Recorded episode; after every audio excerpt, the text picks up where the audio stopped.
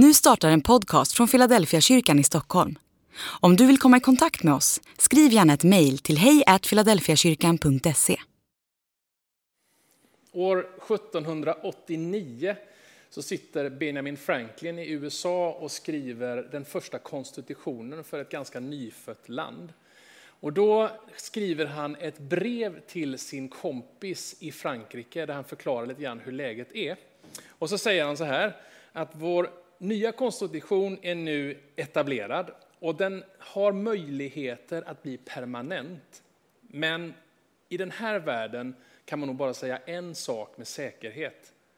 Och det är att man kommer att dö och man kommer att få betala skatt. De där sista orden har blivit småbevingade, det Benjamin Franklin skriver. Alltså han konstaterar att det finns egentligen bara två saker i en föränderlig värld som man kan vara säker på. Det är att du kommer att dö och innan du gör det så kommer du att få vara med och betala skatt. Det är liksom en, gäller för alla människor. Idag skulle jag vilja lägga till en tredje sak till det. Och det är att jag tror att alla människor befinner sig i någon typ av strid, kamp eller fight. De flesta människor som jag möter kan ganska snabbt identifiera att de har några saker som är jobbiga i deras liv. En del människor ser du inte det på ytan, men när du skrapar lite bara på kanten på dem så märker du att där under så döljer det sig någon typ av fight och någon typ av strid. Alla människor, oavsett livsläge, verkar befinna sig på någon nivå av kamp och strid i sitt liv. En del människor är det ju helt uppenbart att de har stora problem och, och problem och, och, kamp i sina omständigheter. Du möter dem kanske på gatan där du bor, du ser att de kanske kämpar med, med att de tigger, de har ingenstans att bo. Du kan se i deras ansikte att de är slitna, att det är någonting som trycker i deras liv. Det kan vara drogmissbruk och det kan vara uppenbara saker och du bara kan konstatera att det pågår en ganska stark fight i deras liv.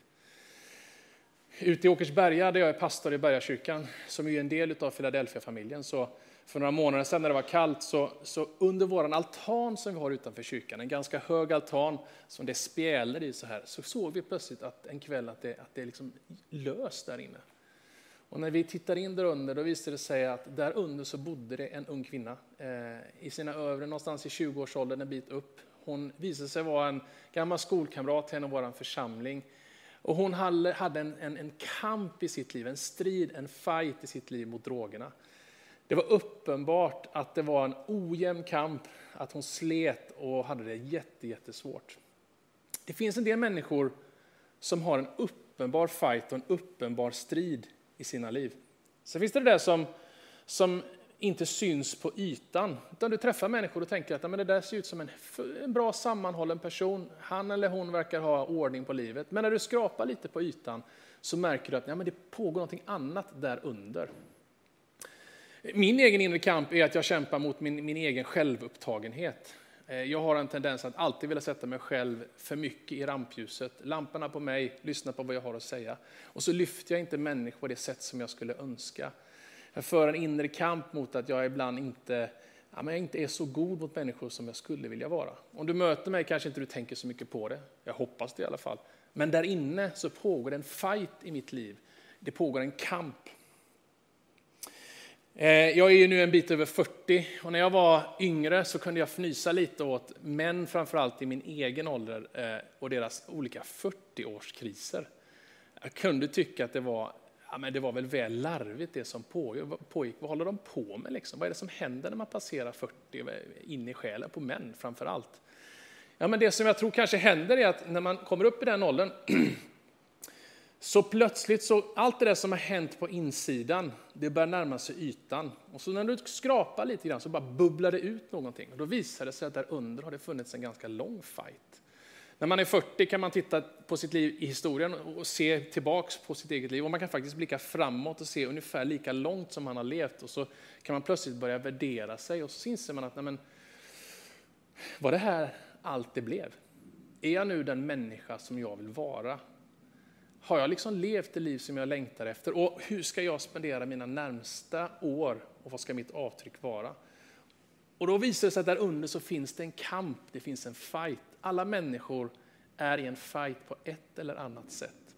Jag har en kompis. Han, eh, han är framgångsrik, han är duktig på sitt jobb.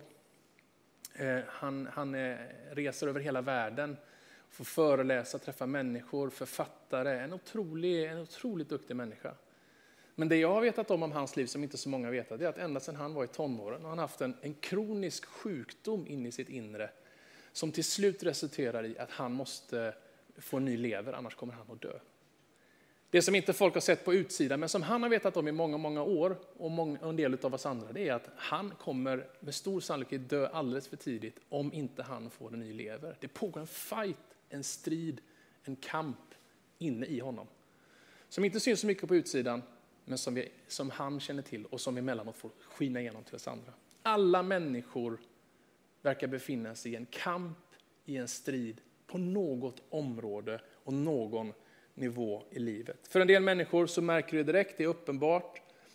Och på andra så skrapar man lite på ytan så visar det sig att där under så bor det någonting. I veckan sprang jag på en granne som jag inte känner så väl. Eh, återigen en sån här människa man tittar in och så ser man att det är ett liv som verkar fungera alldeles utmärkt. Men så möttes vi liksom i, i en gemensam sorg över att vi hade nyligen förlorat en släkting som hade dött. Och I det där lilla gapet, det där lilla skrapet i hans liv, så plötsligt öppnar sig en fight och en strid i hans liv som handlar om hur ska vi hantera det som händer nu när min mamma har dött. Vad händer i familjen när det ska vara bodelning? Det börjar bli lite gnissligt mellan syskonen. Och I allt det där så liksom debuterar en släktings psykiska ohälsa och det visar sig att det finns pågår en ganska stor fight där under. Alla människor befinner sig i en fight på ett eller annat område. När man är i en fight så springer man på människor. Och en del människor som jag träffar, de eh, möter jag och så pratar jag med dem en stund. Och så när jag, när jag har liksom, kommer ur det mötet så det är som att jag fått nytt språng i steget, lite nytt tryck i, i kroppen. och tänker, nej men jag, det är tufft, men jag, jag tar en vända till. Jag tar ett varv till. Det kanske går att ta sig vidare. Den där människan möter jag. Och sen ibland när jag träffar andra människor så är det som att efter jag varit med dem så det som jag, min spiral börjar snurra neråt istället. Och jag märker att den grop som jag ibland kan befinna mig i, att den har jag börjat gräva djupare i istället för att börja klättra upp ur den. Idag skulle jag vilja säga någonting om hur du kan vara den där första sortens människa. Om alla människor befinner sig i en fight, hur kan du då hjälpa dem att komma segrande och vinnande ur en sådan strid? Det vill jag säga någonting om. Och vi ska hoppa in i en bibeltext alldeles strax. Men låt mig säga det till dig, du som tror på Bibeln, du är kristen kanske som jag. Här har vi Guds ord, tänker vi. Vi tror ju att den här boken att den har någonting att säga rakt in i våran tid och in i våra liv. Här finns ett ord för dig idag som jag tror du kan ta till dig och som kan hjälpa dig på det här området. Men om du har surfat in på den här gudstjänsten, kanske det är någon kompis som har skickat en länk eller du bara klickade upp den här på Facebook eller någon annanstans. Så även om inte du är kristen så tror jag att här finns någonting att hämta för dig när det gäller hur du kan bli en sån där människa som hjälper andra som är mitt i fighten. Vi hoppar in i en, i en bibeltext i Gamla Testamentet, i Andra Mosebok. Och det är Israels folk som är ute i öknen och vandrar. Bakgrunden är att de har kommit ut ur Egypten, ut ur slaveri. Och de har en tid eh, fått liksom vandra i öknen och är på väg mot det förlovade landet, mot det löfte, mot det goda som, som Gud har sagt de ska få komma till. Men de befinner sig i den här mellanperioden. Och där går det lite upp och det går lite ner. Ja, du vet, ena dagen så tycker de det är bra, andra dagen så är de riktigt, tycker det är riktigt illa. Eh, man klagar på mat, man klagar på att man inte har det man behöver. Och även om Gud förser så, så blir man ändå tillbaka i ett mode av att man inte tror att det ska räcka till.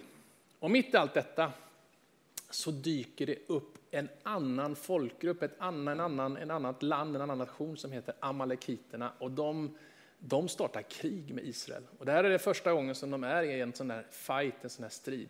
Och där kommer vi in i texten. Då står det så här i Andra Mosebok, det 17 kapitlet och från den nionde versen. Då sa Mose till Josua, Mose var han som ledde Israels folk och Josua var en av hans ledare. Välj ut krigare åt oss och dra ut och kämpa mot amalekiterna. Imorgon ska jag ställa mig på krönet av kullen med Guds stav i min hand. Josua gjorde som Mose hade sagt och stred mot amalekiterna, medan Mose och Aron och Hur gick upp på kullens krön. Så länge Mose höll upp sina händer hade israeliterna övertaget. Men när han lät händerna sjunka, då fick amalekiterna övertaget. När Moses händer blev tunga, men då hämtade de en sten åt honom att sitta på och Aron och Hur stod på varsin sida så stödde de hans armar så att han kunde hålla dem uppe tills solen gick ner. Josua nedkämpade amalekiternas här utan försoning. Den här gesten av att lyfta sina händer över en annan människa, det där är ett, ett, ett bibliskt tecken på att uttala en välsignelse. I våra gudstjänster så brukar vi ofta be Guds välsignelse över dig, ofta i slutet. Och då lyfter någon en hand och så ber om att Herren ska välsigna dig och bevara dig. Det är ett tecken på att vi välsignar dig. Det där ordet välsigna, de här lyfta händerna, det betyder, i det där ordet, det kommer av ett, av ett eh, grekiskt ord som heter eulogia. Du kanske har talat om eologi någon gång. När någon dör, då brukar man skriva en, en eologi. I en eologi så skriver man om allting bra som den här personen har fått betyda. Man skriver om att hon var en god mamma, hon var en fantastisk arbetskamrat, han var en, en, en, en god vän, eh, han var alltid trofast, han var alltid trogen. Eh, man skriver om alla de goda saker och egenskaper som finns i den personens liv. I en eologi brukar man sällan skriva att han var en riktig liden en. Han var elak mot folk och han klippte aldrig gräsmattan och det var en riktig skit. Nej, i en eologi så skriver man om de goda sakerna i en människas liv. Så när Mose lyfter sina händer i en välsignande liksom handling över den strid som Josua befinner sig i, ja, men då är det en eologi, en eologos han gör över honom och över det som pågår. Han talar gott och han talar väl in i det som sker. Han lovordar och prisar det som händer. Inte pekar ut det som är fel och det som har gått snett, utan lyfter det som är gott och talar om de goda sakerna. Det andra bibliska ordet för välsignelse det är ett ord som heter barak. Och det är samma eh, ordtyp som i svenskans välsignelse. Och I svenska har vi ju delat det i två egentligen, väl och signa.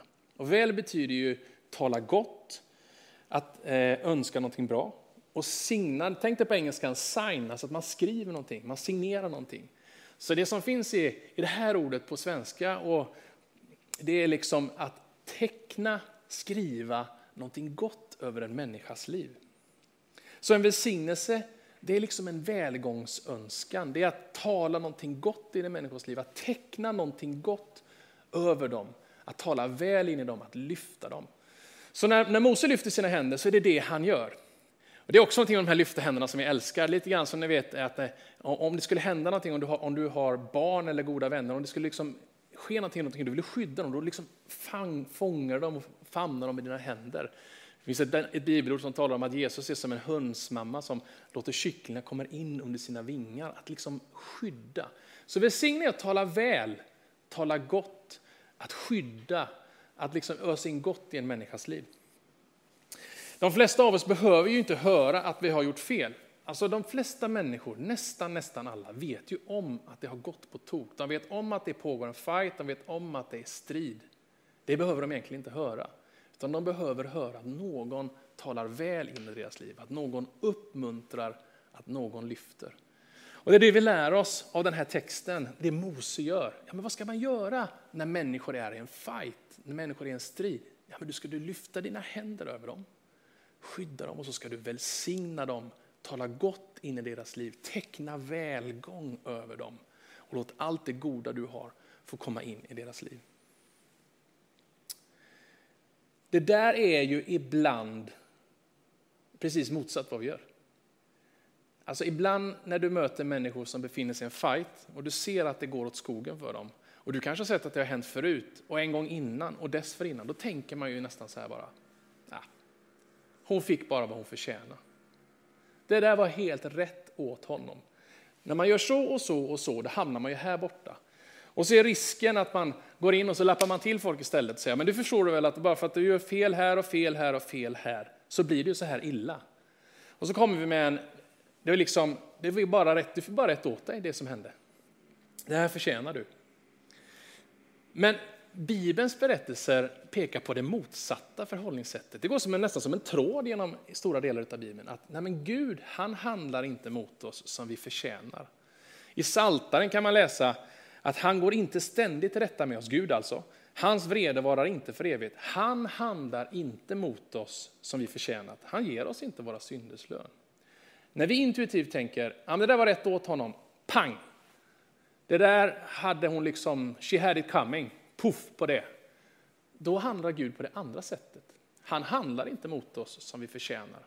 Och Jesus hakar i det när han säger, ja men döm inte så ska ni inte heller bli dömda. Men det mått som ni mäter upp kommer det också mätas upp åt er. Han säger, se upp med dömandet. Därför att om du börjar döma människor och trycka till, så den mängd du gör det, det mått som du drar upp, det är risken är att du kommer själv få tillbaka samma skopa. Paulus hakar i samma, samma tanke och säger att det, det handlar inte om att du ska döma andra människor. Det är orimligt att du gör det för mycket. Därför att om du håller på att döma människor så kommer du själv bli dömd. Du döms ju med samma dom.